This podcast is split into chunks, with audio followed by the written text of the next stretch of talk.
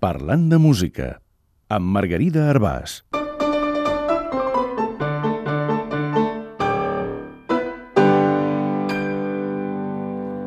La berra.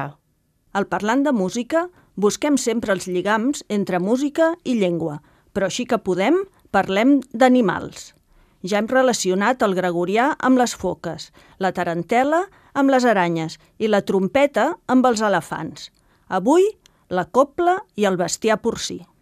La truja és la femella del porc.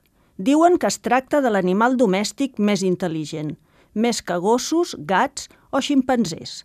Asseguren que truges i porcs són sensibles i espavilats i que tenen bona memòria.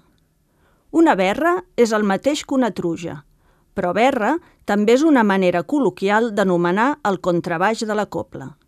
Dels animals domèstics, la berra és un dels grossos i fa un ronc molt greu. El gruny de la berra té una paraula específica, gardeny. Els porcs ronquen, rondinen, grunyen i esguellen. I les berres, a més a més, gardenyen. Com a denominació del contrabaix, berra té a veure amb el fet que l'instrument és molt gros, com una truja, i que té un so tan greu com un gardeny.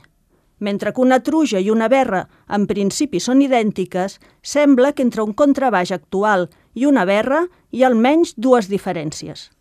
Que el contrabaix té quatre cordes i la berra tres, i que les cordes del contrabaix solen ser de metall i materials sintètics, mentre que les de la berra són, o solien ser, de tripa.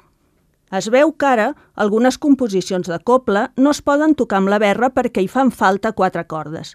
Això deixa la berra en desavantatge respecte al contrabaix. A més, les cordes de tripa costen més de trobar que les d'altres materials.